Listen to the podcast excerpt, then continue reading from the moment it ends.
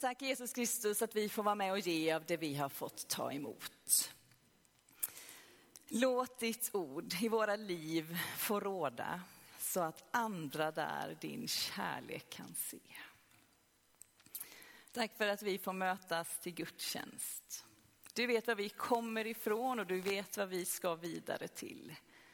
Hjälp oss att vara närvarande här och nu så att vi får höra din röst in i våra liv.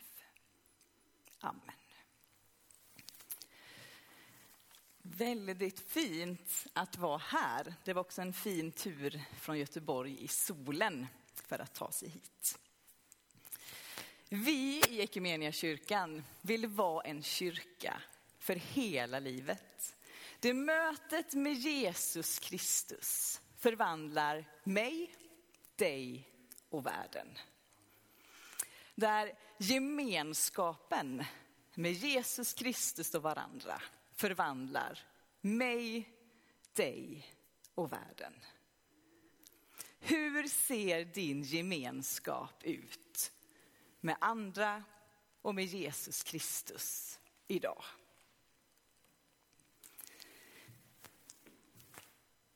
På kyrkokonferensen i år så tog vi som kyrka, gemensam kyrka, ett beslut om att vi under de kommande två åren ska göra mycket av det goda vi har gjort i många, många år. Men vi ska lägga lite extra fokus på fyra områden. Och två av dem tänkte jag stanna upp vid idag. Och det är, det ena är att ge vidare tron till de vi möter. Och kanske framför allt lite extra fokus på nästa generation. Att ge vidare tron. Och sen det andra är någonting som ibland nämns och kallas för heliga vanor. Alltså vårt enskilda liv och vårt gemensamma liv med Jesus Kristus. Jag vet inte hur det är med er, men för mig så är det så att vissa berättelser stannar kvar lite extra mycket. Är det jag som prasslar? Ska jag gå över till den?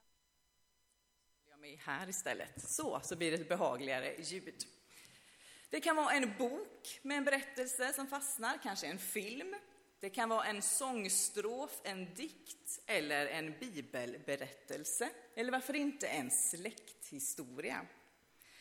En bibelberättelse som har stannat kvar och stannar kvar hos mig, det är berättelsen om de två lärjungarna som efter Jesu död var på väg från Jerusalem till Emmaus. Och det är en vandring på ungefär två timmar. Och det står att de gick och samtalade med varandra om allt som hade hänt. Och medan de gick där och samtalade så kom det en man och slog följe med dem. Och så står det att de kände inte igen honom. Och den här mannen, som vi vet var Jesus, frågade vad är det ni går och pratar om? Och så berättar de för Jesus vad de har varit med om. De berättar om Jesus som blev korsfäst och som dog och att några nu menar att han har uppstått. Och så går Jesus där med dem och samtalar vidare. Och sen så står det också att han förklarar för dem hur allting hänger ihop. Den här promenadsträckan på två timmar ungefär så berättar Jesus egentligen hela Bibeln och hur det hänger ihop med det Jesus var tvungen att göra, både dö och uppstå.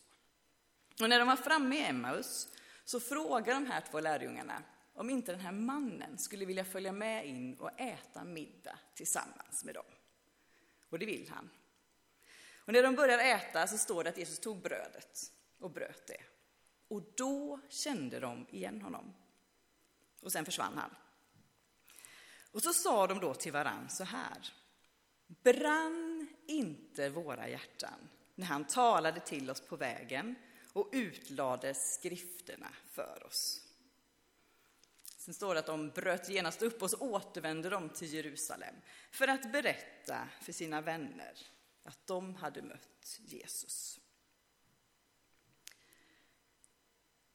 Emmausvandrarna kallas den här texten ibland. Det är en av de texter som jag tycker beskriver hur vi kan ge vidare, dela vidare tron med andra. Att vandra tillsammans med en god vän och dela livet. Och om man tror så delar man även tron. För i livet så går det inte att separera tron, utan det är en del av allt. Det genomsyrar hela livet. I varje fall så är det det Jesus önskar för oss. Att vårt liv ska genomsyras av honom. Och i vår vandring, oavsett om vi går själva eller tillsammans med många, så går Jesus med. Precis som han slog följe med lärjungarna där på vägen mot Emmaus. Att dela tron vidare, att berätta för varandra vad det är vi har mött och fått uppleva. Och som ni hörde så gör vi nu en liten turné, vi som jobbar i kyrkan Region Väst och gör närområdesträffar. Och i ett av dessa möten här för någon vecka sedan Eh, så pratade vi just om det här att ge vidare tron och då lite specifikt till barn som man har i sin närhet. Och då var det en som sa ungefär så här. Det känns ofta lättare att dela min tro i scoutgruppen än med mina egna barn. Jag tycker att det är svårt att hitta orden och jag känner mig tafatt. Och det känns sorgligt. Och det där fastnade i mig, och kanske känner du igen dig.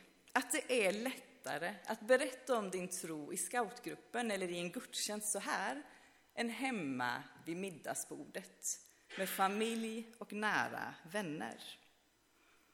Och att det är lite lätt ibland att dela upp tron och så resten av livet.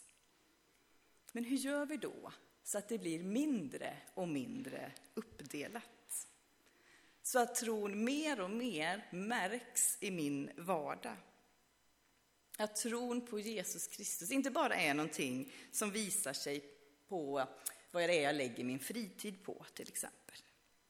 Utan att det faktiskt är grunden, eller jag önskar att det vore grunden, för allt det som jag gör, den jag är och i mötet med människor. För någon månad sedan så fick jag ta del av en berättelse från en fyrabarnsmamma som inser att hennes barn i vardagen nästan aldrig såg att hennes tro var viktigt för henne. Så hon bestämde sig för att ta fram sin bibel och lägga det, den på vardagsrumsbordet. Och så märkte hon efter ett tag att hennes barn, de hade väl olika biblar i sina rum, började hämta sina och läsa lite och sådär. Och så var det en eh, vän till henne som sa så här, amen, du har fyra barn. Hur orkar du och hur hinner du också läsa Bibeln mitt i vardagen? Och då säger hon så här, skojar du? Fyra barn, tror du att jag orkar läsa? jag tycker det är viktigt så jag bläddrar i den. För jag vill att de ska se att det här är någonting som är viktigt för mig. Hur visar vi vad som är viktigt mitt i vardagen utifrån de förutsättningar som vi har? Kyrkan har utifrån de här olika områdena som är extra fokus på satt ihop eh, temagrupper. Och en heter just barn, familj och församling. Och där har jag förmånen att vara ordförande eller sammankallande. Och det vi samtalar väldigt mycket om i den här gruppen är just vikten av att dela vardagen med barn. Att skapa utrymme och närvaro. Men kanske framför allt att utrusta de vuxna som finns nära barn. Att känna sig trygga i vad de tror på och hur de kan ge det vidare. Jag började jobba som pastor 2010 och då sökte jag upp en person som, ja, men ibland kallar mig för andlig vägledare, någon kanske säger mentor, eller medvandrare. Och vi möts fortfarande, det är ju några år sedan nu, inser jag. Vi möts regelbundet och i de mötena så är fokuset min gudsrelation. Den andra, alltså min andliga vägledare, hon är där för att lyssna mest under det samtalet på det jag berättar och hjälpa mig att se var är Gud i detta? Vad är det Gud kallar mig till? Och så blir det en hjälp för mig att stanna upp och reflektera. Och det tror jag är ett viktigt sätt. Och det är det jag tänker Emmausvandrarna gjorde där på vägen. Man lyssnade och hjälpte varann att förstå livet och Gud. Och de här närområdesträffarna då, ni hör ju att jag vill att ni kommer, det är bra träffar. Där var det en annan person som delade med sig av vad han upptäckt och tänkt på det senaste. Och han sa så här, ja, men ofta så frågar jag, vad vill församlingen göra? Eller vad vill vi som verksamhetsutskott göra? Men så inser jag att jag inte lika ofta börjar i frågan, vad vill Gud göra? Jag vill börja mer där. Det tänker jag är en god, helig vana. Att hitta sätt att börja med lyssnandet. Vad tror du att du hör att Gud säger? Att hitta sätt att bli lite mer medveten om att du vill rikta ditt liv mot den här relationen med Jesus Kristus. Och det finns väldigt många sätt att göra det på. Ett är kanske en andlig vägledare, ett är att regelbundet ringa en god vän. Det kan vara bön, det kan vara att bestämma sig för att i en månad nu så testar jag någonting nytt. Kanske göra en reflektion i slutet av dagen. Ibland kallas det för examen. Alltså man gör en tillbakablick. Kanske skriver man ner. Vad har jag varit med om? Och kunde jag där se Guds andes ledning? Ett sätt att få tron än mer integrerad i livet. Heliga vanor. Vad har du för goda heliga vanor som hjälper dig att rikta dig till Gud? Gud har alltid sitt ansikte vänt till dig. Men jag i varje fall är lite här och lite där ibland. Så jag behöver hitta olika sätt att även vända mig till Gud, även jag. Under pandemin så blev det tydligt för mig att min goda heliga vana var att fira gudstjänst på söndag förmiddag. De flesta söndagarna. Och så försvann det av förklarliga skäl. Och då stannade jag upp och funderade på, vad har jag fler för goda vanor? Och det har varit jättelärorikt för mig. Och det har också skapat så mycket spännande samtal. För då har jag liksom passat på att fråga dem jag möter, vad gör du för att fortsätta ha en gudsrelation när förutsättningarna förändras? Och i texten om Emmausvandrarna så säger de i slutet där, brann inte våra hjärtan när han talade. Så tänker jag, ja det var först i efterhand som de gjorde reflektionen. Vad är det som fått ditt hjärta att brinna? Eller hur gör du för att inte mista sältan, för att återkomma till texten vi lyssnade till innan i gudstjänsten, i Matteus evangeliet. Om vi tappar sältan, hur ska folk då kunna känna smaken av Gud? Vi behöver goda, heliga vanor. Gemenskap med varandra och med Gud, så att sältan inte går förlorad. Och så att vi är ljuset som gör Guds alla färger synliga. Jag gillar den formuleringen i The Message. Som gör Guds alla färger synliga. Vi alla behövs utifrån dem vi är för att visa på bredden hos Gud. Och när vi är där uppe på höjden, nu när vi hänger där på lampkroken, så lys på det sätt som är vårt. Vi är skapade av Gud, olika, olika och vi uttrycker oss olika. Vi tycker om att göra olika saker och i allt det är Gud med. Men låt oss hjälpa varandra att hitta våra sätt att dela tron vidare. Så att våra barn, våra vänner, våra släktingar ser att tron är en viktig del av hela livet. Så att vi inte riskerar att dölja tron eller hålla den för oss själva. Jag läser igen från Matteus 5 ur The Message. Vi ska synas. Synas som en stad på toppen av en höjd. Om jag gör er till ljusbärare tänker jag väl inte gömma er under en bunke heller. Nej, jag hänger upp er på lampkroken, så lys. Stäng inga dörrar. Bjud på era liv. Om ni öppnar er för folk kommer folk att öppna sig för Gud. Fadern som bjuder på sig själv i himlen. Hur ser det ut i ditt liv och i din församling? Hur bjuder du och ni på era liv? Vilka dörrar är öppna och vilka skulle ni vilja öppna? Så att människor öppnar sig för Gud. Nu kommer sista återblicken till en av när, eh, närområdesträffarna och ännu en persons reflektion.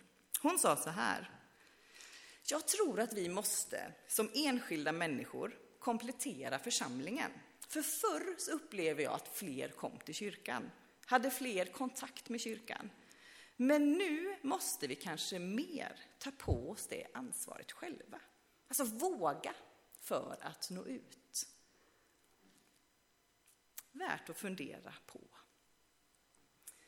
Emmausvandrarna, de gick från en plats till en annan med många frågor, med oro över framtiden, kanske en hel del tvivel, men också förhoppningar.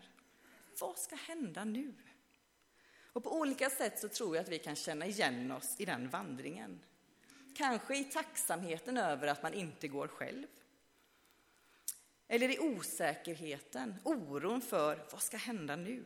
Vi har krig i Europa, vi får rapporter om ökat våld i vårt eget land, skjutningar, oro över ekonomi, klimatet. Och mitt i det, som är vår vandring, så kommer den uppståndne Kristus till oss. Och så frågar han, vad ligger på ditt hjärta just nu? Vad går du här och funderar över? Vad går du och samtalar om? Och Jesus frågar, för vi behöver få sätta ord på det vi bär med oss av, av erfarenheter, av sorger, av förutsättningar, av glädje. Och lärjungarna i texten säger, du måste vara den enda som varit i Jerusalem de här dagarna som inte vet vad som hänt. Det är klart att Gud vet vad som hänt och vad som händer. Men du äger berättelsen om ditt eget liv. Och du behöver få säga som det är. Att beskriva det du finns i så sant som du förmår. Att få säga det till Jesus.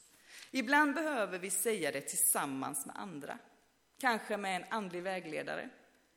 Under en vandring med en vän. Ibland formulerat som en tyst bön och ibland som en högljudd.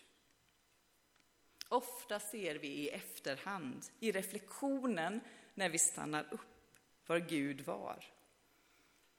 Men Gud är alltid hos oss. Frågan är vart vi är.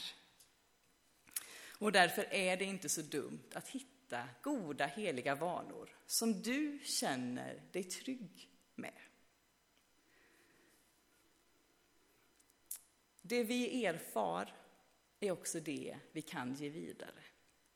Så vill vi ge vidare tron så måste jag först få fatt i vad tron betyder för mig. Med allt av tro och tvivel. Och när vi gör det, samtalar med varandra, så växer också vår egen tro. Att ge vidare tron, att slå följe med en annan människa. Ibland tänker jag att det är ett ganska högt pris ändå att bjuda in en människa till i ens liv. Men jag tror att vi är kallade att göra det. För att dela livet, för vi behöver varandra. Gud är treenig, vi hade trosbekännelsen här förut. Gud är gemenskap i sig själv. Vi behöver varandra. Och vi behöver hitta sätt där livet hänger ihop och inte göra skillnad på tro och liv. Hur hittar vi ut ur det som är våra bekvämlighetszoner? Min första predikan när jag började i Betlehemkyrkan i Göteborg 2010, då hittade jag en sån här svart och gulrandig tejp. Har ni sett dem? Ganska tjocka så. Och så tejpade jag dem lite varstans eh, i kyrkrummet. Jag vet att föreståndaren där sa bara, ja, så kan du göra. Och tänkte, lycka till med den här övningen. Men den bilden kommer tillbaks till mig ibland. För det som var min tanke var att när man sen kan röra på sig, tända ljus, komma fram till förbön, så kan man också ställa sig vid en av de här markeringarna. Och det kan vara en som man bara ser framför sig. Och så kan man säga till Jesus, jag skulle behöva lite mod och hjälp att våga kliva över den här linjen som känns jättesvår för mig just nu. Vi går aldrig själva. Den heliga Ande är med oss och utrustar oss. Jag funderar på, ja, men vilket är min lilla linje just nu? Att våga gå över. För att än mer få fatt i vad det är jag önskar att fler fick möta i Jesus Kristus. Tron genomsyrar allt vi gör och är. Och när det gör det så ser andra det. Utan att vi behöver göra något annat än att vara de vi är. Bjuda på oss och bjuda in människor. Eller som det då står i Matteus evangeliet i The Message. Om vi öppnar oss för folk kommer folk att öppna sig för Gud. Fadern som bjuder på sig själv i himlen. Vi ber. Jesus Kristus, hjälp oss att först och främst öppna oss för dig och ta emot din kärlek in i våra liv. Tack för att du vet vad som är våra brottningskamper och våra glädjeämnen. Hjälp oss att hitta goda, heliga vanor där vi möter och blir påfyllda av dig. För att sen också våga öppna oss för fler, så att fler får möta dig.